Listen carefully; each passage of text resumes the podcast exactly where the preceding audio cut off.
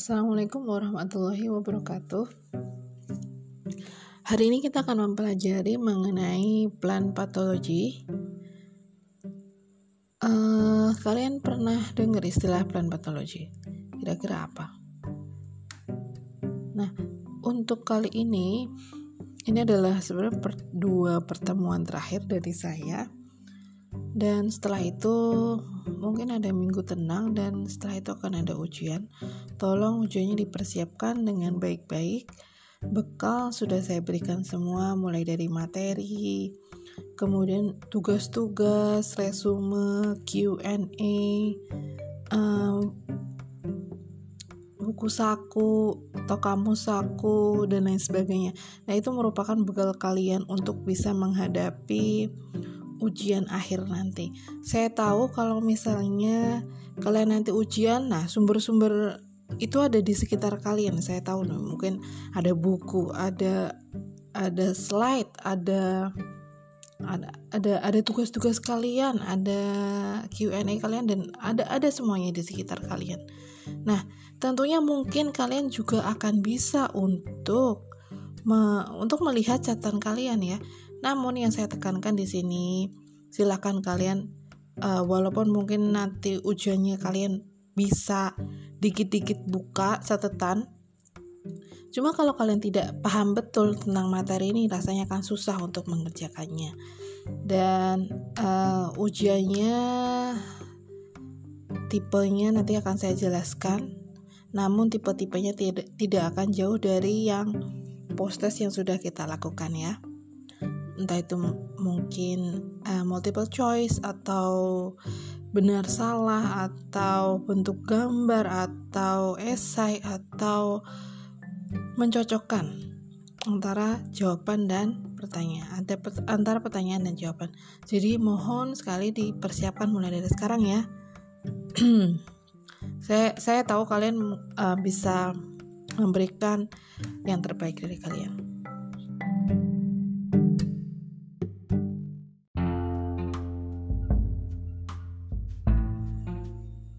sebelum kita masuk ke materi, uh, kita ada satu pertanyaan. Rasanya uh, materi yang lalu itu bukan materi yang asing bagi kalian. Saya tahu kalian sudah banyak banyak belajar dengan Pak Tatang dan juga kalian banyak belajar di praktikum. Jadi memang uh, imbasnya di sini tidak banyak dari pertanyaan dan hanya ada satu pertanyaan ya. Oke. Okay. Hmm. Pertanyaannya adalah apakah ada kriteria khusus untuk serangga yang dapat dikonsumsi? Rasanya tidak ada ya kriteria khusus. Yang pasti uh, itu hanya berdasarkan dari kebiasaan yang ada di masyarakat. Misalnya ada di daerah timur itu mereka mempunyai kebiasaan untuk mengkonsumsi mengkonsumsi uh, ulat sagu gitu ya. Ya, ulat sagu itu banyak di dalam batang pohon. Jadi mereka harus uh, membelah pohon. Nah itu dan diambil dari ulat sagunya.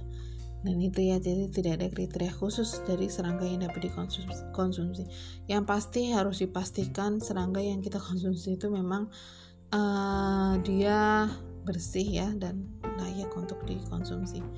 Dan rasanya juga apalagi kalau mungkin kalian pernah tahu di Thailand itu ada banyak banyak serangga-serangga yang memang dia dijual secara bebas ya. Ada ulat kumbang ada ulat-ulat yang besar-besar ada keripik belalang dan lain sebagainya. Ada banyak sekali dan biasanya kalau di Thailand itu mereka tidak tidak mengambil dari alam namun mereka diternakan ya. Jadi ada ada makanan khusus yang disediakan oleh si peternak tersebut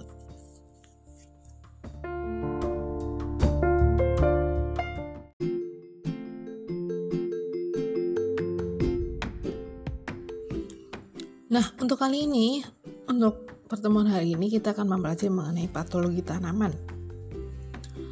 Patologi tanaman itu apa? Patologi tanaman atau disebut dengan fitopatologi. Patologi tanaman atau fitopatologi. Jadi, ini merupakan suatu ilmu yang mempelajari penyakit pada tumbuhan yang disebabkan oleh patogen Patogen itu adalah penyebab penyakit, dia adalah organisme infeksius, dan justru lain dari uh, patogen juga mempelajari mengenai penyakit yang ditimbulkan oleh faktor abiotik atau dari kondisi lingkungan. Nah, jadi tanaman itu bisa sakit oleh karena faktor abiotik dan faktor abiotik. Kalau faktor abiotik itu adalah lebih disebabkan karena faktor-faktor lingkungan atau faktor-faktor yang uh, dan bisa disebabkan oleh manusia itu sendiri. Dan dia non infeksius dan uh, dia non living. Beda kalau yang biotik, kalau biotik itu adalah dia yang disebabkan oleh patogen dan dia hidup living. Nah, untuk penyakit yang disebabkan dari faktor abiotik ini bisa karena karena struktur tanahnya kemudian yang struktur tanah yang tidak sesuai dengan tanaman. Bisa karena nutrisinya tidak seimbang. Terlalu banyak unsur NPK misalnya ya. Kemudian kelembapannya terlalu ekstrim temperatur ekstrim cahaya ekstrim atau dia ada toksisitas kimia. Seperti mungkin tahun lalu kita uh, mengalami uh, musim kemarau yang cukup panjang dan uh, itu menyebabkan petani itu ini ya kesusahan untuk mendapatkan air untuk mengairi tanamannya itu. Nah itu uh, salah satu uh, penyakit tanaman yang disebabkan oleh faktor abiotik. Nah, apakah uh, penyakit yang disebabkan dari faktor abiotik atau faktor lingkungan ini dapat kemudian mematikan tumbuhan? Jawabannya adalah tentu saja bisa. Apalagi misalnya kalau kemarau berkepanjangan dan memang benar-benar tidak ada air dan itu tanaman bisa mati gitu. Apalagi uh, ada ada ini ada uh, pengalaman dari kakak tingkat kalian yang kemarin yang uh, yang musim lalu atau semester lalu itu dia praktikum di lahan baru dan waktu itu kemarau sangat panjang sekali, tidak ada air padahal mereka lagi menanam dan yang dilakukan apa eh, masing-masing uh, mahasiswa itu bawa air dari kosan dari galon jadi saking segitunya sampai sampai nggak ada air nah itu lama kelamaan juga tanaman akan bisa mati dan um, penyakit yang disebabkan oleh faktor abiotik ini ini memberi kecenderungan ketika tanaman itu lemah itu akan lebih mudah untuk diserang patogen. Patogen itu adalah penyebab penyakit. Jadi kalau udah lemah ya udah gampang aja diserang patogen. Dapat uh, terjadi secara natural misalnya temperatur ekstrim sudah saya jelaskan dapat karena aktivitas manusia misalnya penggunaan pupuk atau pestisida yang berlebihan sehingga akan berefek pada tanaman dan uh, sangat memungkinkan ketika masalah biotik dan abiotik itu dapat terjadi pada satu waktu jadi tanaman itu seperti yang kita tahu ketika tanaman itu tumbuh nah itu mulai ada masalah di situ. Entah itu masalah pupuk masalah tanah masalah hama belum lagi hama ya kalau hama juga ada banyak ya dalam satu tanaman. Ada penyakit ini ada banyak sekali.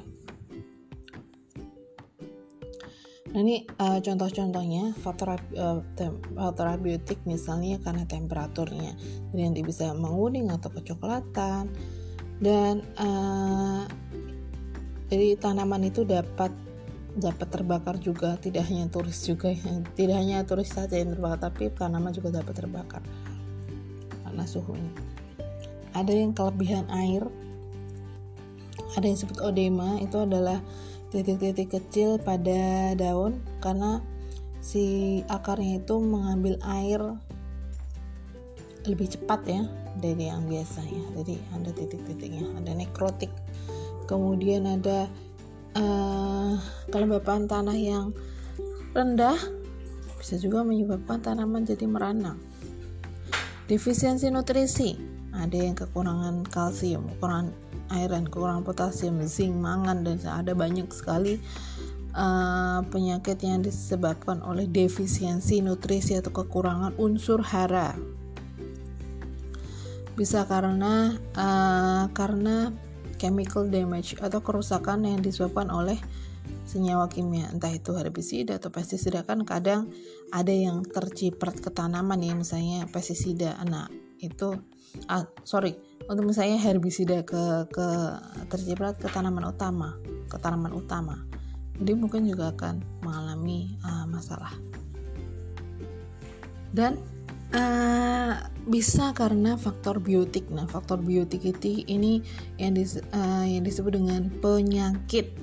Nah, itu penyakit itu dapat menginfeksi tanaman dan dan mengganggu pertumbuhan pertumbuhan atau penampakan dari suatu tanaman. Dan kalau abiotik itu non infeksius, non living kalau yang uh, masalah yang ditemukan oleh faktor biotik itu adalah infeksius dan dia living, dia hidup, hidup.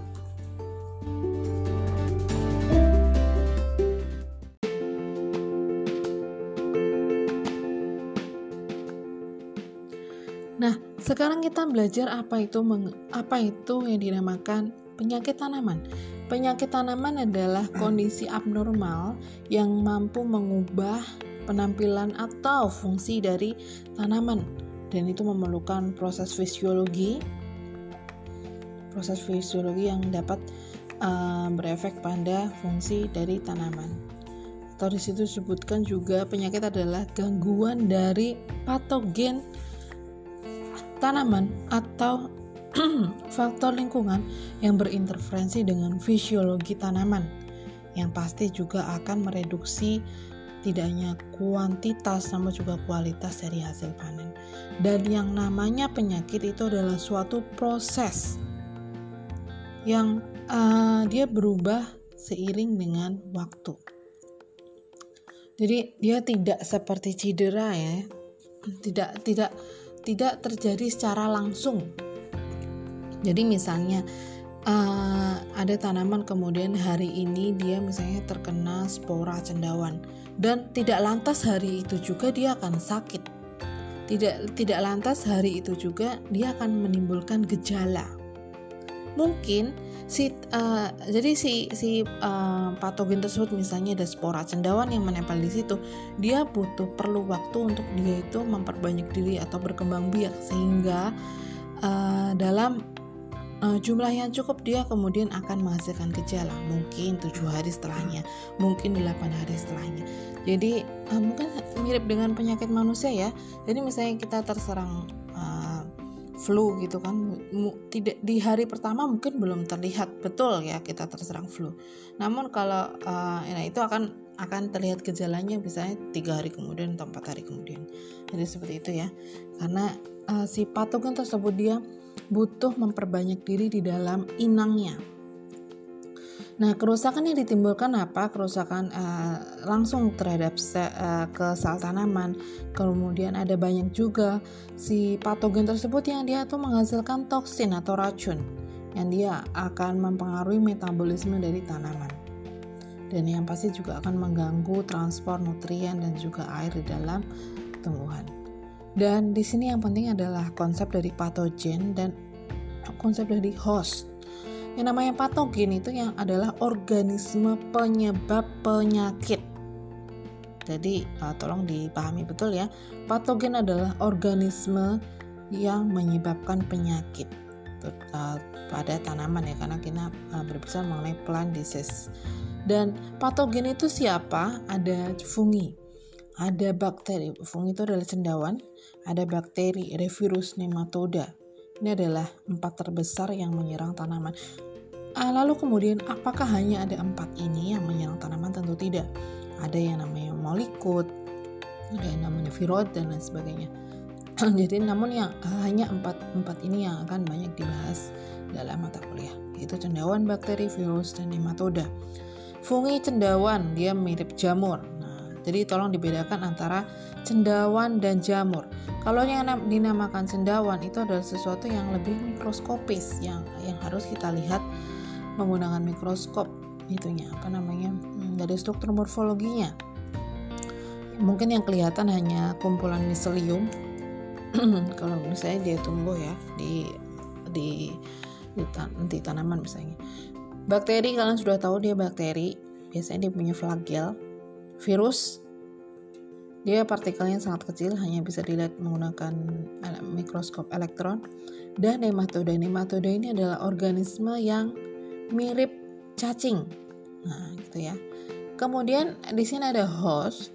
Host yang di, dimaksud di sini adalah uh, inang. Jadi tanaman itu diinvasi oleh patogen dan dan dia uh, menggunakan sebagai sumber makanannya. Nah ini siapa? Itu adalah inang. Hostnya adalah in inangnya atau tanamannya. Jadi dalam jadi dalam konsep dari uh, penyakit tanaman itu ada ada yang namanya plant disease triangle atau segitiga penyakit tanaman tanaman itu tidak eh sorry uh, penyakit itu tidak akan terjadi tanpa adanya ketiga faktor ini ingat-ingat ya jadi ketiga faktor ini harus ada kalau salah satunya tidak ada rasanya akan susah penyakit itu akan uh, menyerang suatu tanaman jadi harus ada Nah, tiga faktor itu apa? Yang pertama adalah patogennya. Harus ada patogennya, entah itu virus, bakteri, nematoda, cendawan. Ya, kemudian ada susceptible host itu adalah ada inang yang rentan ada inangnya ada tanamannya. Apakah kedua itu cukup? Tentu tidak. Harus ada yang mendukung. Yang ketiga adalah faktor lingkungan. Nah apakah faktor lingkungan itu sesuai untuk pertumbuhan si patogen? Entah itu cendawan, kelembapan, temperatur, pH, nutrisi, air, dan lain sebagainya. Jadi, ketiga faktor ini mulai dari patogen, inang yang rentan dan uh, lingkungan yang mendukung itu harus ada. Kalau salah satunya tidak ada itu rasanya mustahil uh, penyakit itu akan muncul. Jadi susceptible host itu adalah inang yang rentan itu berkaitan dengan resistensi atau imunitas dari suatu tanamannya. Kan seperti kita tahu kalau tanaman itu kan ada banyak varietasnya ya dan di situ ada resistensinya terhadap hama ataupun penyakit itu beda-beda tinggal di, di deskripsi dan ada beberapa patogen itu yang sangat spesifik hanya menyerang uh, spesies tertentu saja dan ada yang patogen itu yang apa namanya dia inangnya banyak jadi tidak hanya menyerang satu spesies saja patogen dapat ditemukan di mana saja misalnya dia di tanah patogen juga ada banyak yang di tanah ya atau yang disebut dengan soil borne disease. Patogen ada yang terbawa benih. Patogen ada di sisa tanaman sakit misalnya dan lain sebagainya. Kemudian lingkungan-lingkungan harus mendukung untuk pertumbuhan dari patogen tersebut. Kalau tidak mendukung ya tidak akan tumbuh. Kalau tidak si patogen tidak tumbuh, otomatis penyakit tidak akan tidak akan me, tidak akan menyerang. Kemudian uh, tipe patogen ada cendawan, bakteri, virus, nematoda. Nah ini yang sudah saya jelaskan tadi. Dari keempat ini kira-kira yang paling besar yang mana coba? Nanti kita jawab ya. Dan yang namanya uh, penyakit itu dapat membuat tanaman itu sakit. Kenapa membuat tanaman sakit? Dan dan juga ada perubahan di situ, ada perubahan fisiologis dari tanaman. Ya, silakan dilihat dari gambarnya. Ada yang ada yang menyebabkan root rot itu adalah busuk akar. Ada yang namanya crown gall itu adalah puru mahkota atau uh, puru akar. Jadi dia semacam kanker yang uh, yang ada atau tumor pada suatu tanaman. Itu bisa menghasilkan seperti itu ya. Ada wilt itu adalah layu, ada kanker batang, ada leaf spot itu adalah bercak daun. Ada fruit rot, ada busuk buah, ada fruit spot, bercak buah. Leaf blight itu adalah hawar. Apa itu hawar atau leaf blight? Itu adalah uh, bercak yang meluas itu disebut dengan hawar. Jadi bisa dilihat yang sebelah kanan itu adalah tanaman sakit, yang sebelah kiri itu adalah tanaman yang sehat. Jadi memang ada perubahan dari uh, entah itu morfologi dan fisiologi dari suatu tanaman. Nah ini yang pertanyaan yang saya uh, saya apa namanya jelaskan tadi mana yang lebih besar ternyata ini adalah gambar dari sel tanaman. Ternyata dari keempat patogen tadi yang paling besar itu adalah nih nematodanya nah ini itu nematoda itu baru kepalanya saja yang masuk ya seperti itu. Kemudian ada cendawan ada bakteri ada virus itu ya contohnya adalah bit yellow virus, tobacco virus dan sebagainya ada patogen lain contohnya adalah viroid ada protozoa ada molikut dan lain sebagainya. Jadi sebenarnya tidak hanya empat tadi.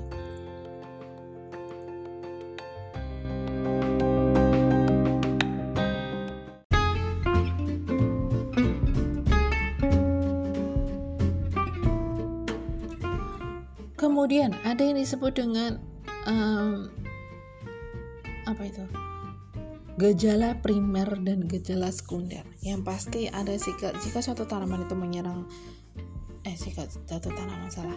Jika suatu patogen itu menyerang uh, tumbuhan pasti dia akan menimbulkan gejala. Nah, gejala itu bisa gejala primer dan gejala sekunder. Apa itu gejala primer dan sekunder? Gejala primer adalah gejala yang dia itu langsung dan dekat dengan jaringan yang diserang jaringan eh gejala yang langsung dan dekat dengan jaringan yang diserang. Sedangkan gejala sekunder apa? Gejala yang dia itu jauh dari jaringan tanaman yang diserang. Jadi ini kebalikan ya, satunya adalah dekat dengan jaringan yang diserang dan satunya jauh. Contohnya apa?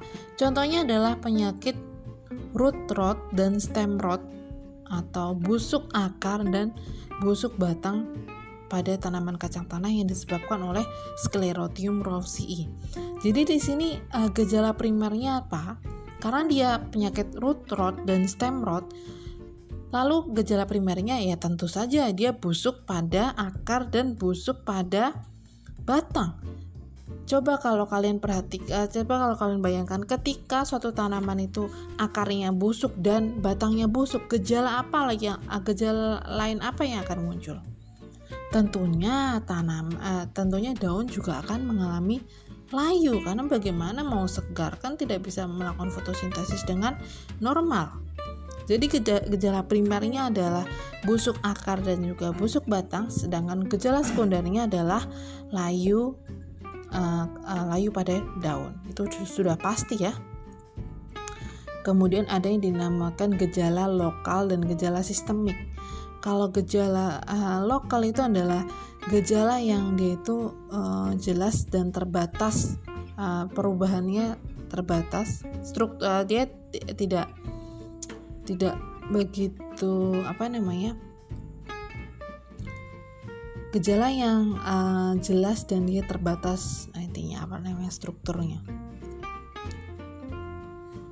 Contohnya adalah bercak daun dan dia misalnya terbatas itu gimana ya kadang dia hanya menyerang daun saja dan menghasilkan bercak-bercak nah seperti itu aja ya misalnya ya. Kalau gejala sistem begitu adalah gejala yang lebih ekstensif lagi dari penyakit. Contohnya adalah uh, dia gejala mosaik dan stripe. Ini adalah gejala gejala yang biasanya dihasilkan oleh virus. Dan ini gejalanya adalah lebih ke seluruh tanaman. Kalau yang lokal tadi memang terbatas ke bagian-bagian tertentu saja, misalnya batang, daun, dan lain sebagainya. Kalau sistemik ini lebih ke seluruh, dia menyeluruh seluruh tanaman. contohnya adalah mosaik. Kemudian eh, ada yang namanya gejala morfologi dan gejala histologi. Gejala morfologi itu adalah gejala yang uh, dapat kita lihat dapat kita baui, dapat kita uh, pegang ya. Misalnya adalah kita ini adalah contohnya adalah Santomonas campestris. Nah ini kadang kan kal, pernah mungkin ya kalian lihat ada uh, apa namanya kubis yaitu uh, terserang oleh busuk lunak oleh Santomonas campestris ini biasanya bagian tengahnya itu bau busuk bau um, dan banyak ya itu ada eh, disebabkan oleh Santomonas campestris mungkin kalian pernah lihat penyakit ini ketika membantu ibu kalian di dapur ya. Dan ini uh, penyakit yang disebabkan oleh bakteri dan baunya sangat khas. Nah gitu ya. Jadi yang namanya morf gejala morfologi itu gejala eksternal yang bisa kita lihat. Kita cium ya karena karena ada beberapa patogen yang dia menghasilkan bau khas tertentu. Sedangkan gejala histologi adalah gejala yang hanya bisa dilihat menggunakan mikros peng menggunakan pengamatan mikroskop pada jaringan tanaman yang diserangnya. Ya ya kalau kita mau lihat uh, struktur dari patogennya ya tidak bisa karena yang bisa kita lihat adalah gejalanya saja, gejala morfologinya saja. Sedangkan untuk melihat siapa sih yang menyerang, nah itu tentu saja harus dilakukan pengamatan secara mikroskopis. Nah ini kalau yang di sebelah kanan itu adalah uh, itu adalah uh, apa namanya dia adalah penyakit karat. Hmm, kalau di, di, di, dilihat di bawah mikroskop sporanya seperti itu. Kemudian uh, kita bedakan antara gejala dan tanda. Kalau gejala itu adalah perubahan yang uh, bisa terjadi dari warna, bentuk, fungsi dari tanaman sebagai respon dari adanya patogen. Itu gejala. Jadi gejalanya ada bercak, ada wilt, ada layu, ada uh, root rot, ada ada hawar, ada blight yang tadi ya ada hawar dan lain sebagainya. Sedangkan sign atau tanda di sini adalah bukti fisik adanya patogen. Jadi bukti fisik adanya patogen apakah bisa kita lihat bisa ya. Mungkin dari miseliumnya. Miselium itu adalah kumpulan dari hifa kemudian uh, tubuh buah cendawan itu kadang ada ada patogen itu yang memang ukurannya besar-besar ya.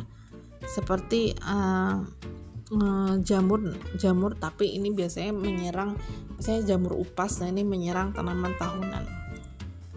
Ada bakterial us us itu adalah cairan bakteri nah itu bisa kita lihat dan ada nematoda.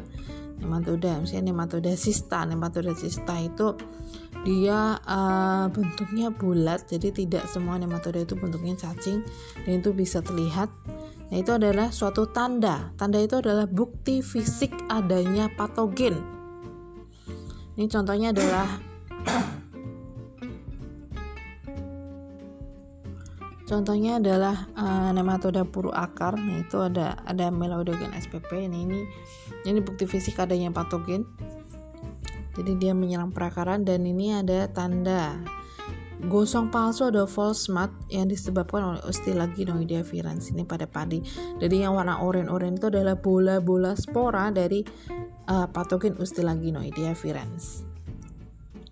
Nah kemudian uh, di sini ada tanda lagi ada sklerotia ini biasanya menyerang eh, yang disebabkan oleh Sclerotium rofsii di bawahnya itu ada uh, semacam itu ada sklerotia ada bulat-bulatnya. Ini itu juga salah satu bukti fisik adanya patogen. Kemudian saya akan uh, mengajak kalian untuk melihat uh, bagaimana sih gejala-gejala pada penyakit tanaman. Apakah hanya bercak saja? Tentu tidak ya. Ada mozaik ada belang ada klorosis. Nah ini biasanya ini adalah gejala sistemik. Nah bukan bukan gejala lokal ya sistemik itu bisa menyerang seluruh tubuh tumbuhan ada soft rot atau busuk yang disebabkan oleh bakteri. Ada wilt atau layu. Ada pustul. Jadi pustul itu seperti kalau di daun itu ada gerundul-gerundulnya gitu kalau dipegang tuh ya.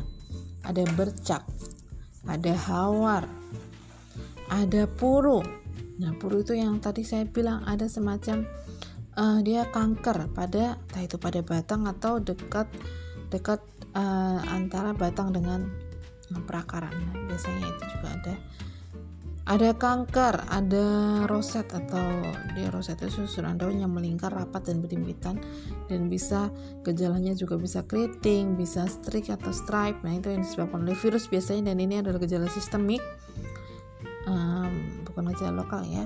Nah itu adalah lendir oze bakteri oze ingat ya oze itu adalah uh, cairan dari bakteri ada sista itu bukan kista tapi sista nematoda. Kemudian ada miselium dan spora cendawan. Uh, mengapa kita belajar Artinya ada pertanyaan, mengapa kita perlu belajar simptomatologi? karena begini ya untuk dapat mengendalikan uh, suatu penyakit tanaman tentunya kita juga harus meng, bisa meng, dituntut untuk bisa mengidentifikasi penyebab dari penyakit tersebut. Nah, kalau kita tidak bisa mengidentifikasi dia, rasanya akan sulit untuk menemu, menemukan di mana titik lemahnya. Itu tuh yang perlu kita lakukan adalah kita mampu mengidentifikasi suatu penyakit tanaman sehingga uh, identifikasi akurat dari kita itu dapat digunakan untuk rekomendasi pengendalian lagi. Dan diagnosis penyakit tanaman based on simptom simptomatologi itu tidak cukup tidak cukup kita uh, apa namanya mengatakan itu kena penyakit A, penyakit B, penyakit C hanya dengan gejala itu tidak akan cukup. Karena apa? Karena banyak dari uh, patogen itu dapat menyebabkan gejala yang sama. Misalnya patogen A, B, C, D, E, F. Nah, dari A sampai F itu patogen uh, dari A sampai F tadi patogennya itu mungkin gejalanya juga akan sama di tanaman misalnya bercak-bercak juga gitu satunya bercak lonjong bercak bulat bercak uh, apa namanya ada bercak yang agak kebasan dan sebagainya. Jadi kadang ada banyak patogen yang dia itu menyebabkan gejala yang sama. Oleh karena itu tidak cukup hanya kita diagnosis penyakit tanaman dari simptomatologi saja atau berdasarkan dari gejala saja. Dan adanya tanda yang saya bilang tadi ya tanda adalah bukti fisik adanya suatu patogen. Nah itu dapat menambah kepastian dari diagnosis penyakit kita oke uh, sekian dari pendahuluan mengenai plan patologi. Kita sambung minggu depan. Semoga uh, kalian tetap sehat selalu. Jangan lupa belajar sebentar lagi ujian. Dan saya sangat senang minggu depan adalah minggu terakhir bagi saya untuk me menyampaikan materi. Dan setelah itu kalian akan berjuang dengan ujian. Semoga nanti dapatkan hasil yang baik ya. Oke sekian dari saya. Jangan lupa mengerjakan take home assignment. Dan itu uh, take home assignmentnya sama ya dengan yang kemarin. Jadi itu nanti akan membantu kalian untuk ujian. Karena saya saya saya yakin kalian juga di rumah kalau ujian bisa buka buka itu semuanya ya. Jadi saya saya saya apa saya beri kelonggaran kalian tapi tetap saja ya ada waktu yang harus ada ada jeda waktu yang harus kalian pikirkan nanti untuk ujian.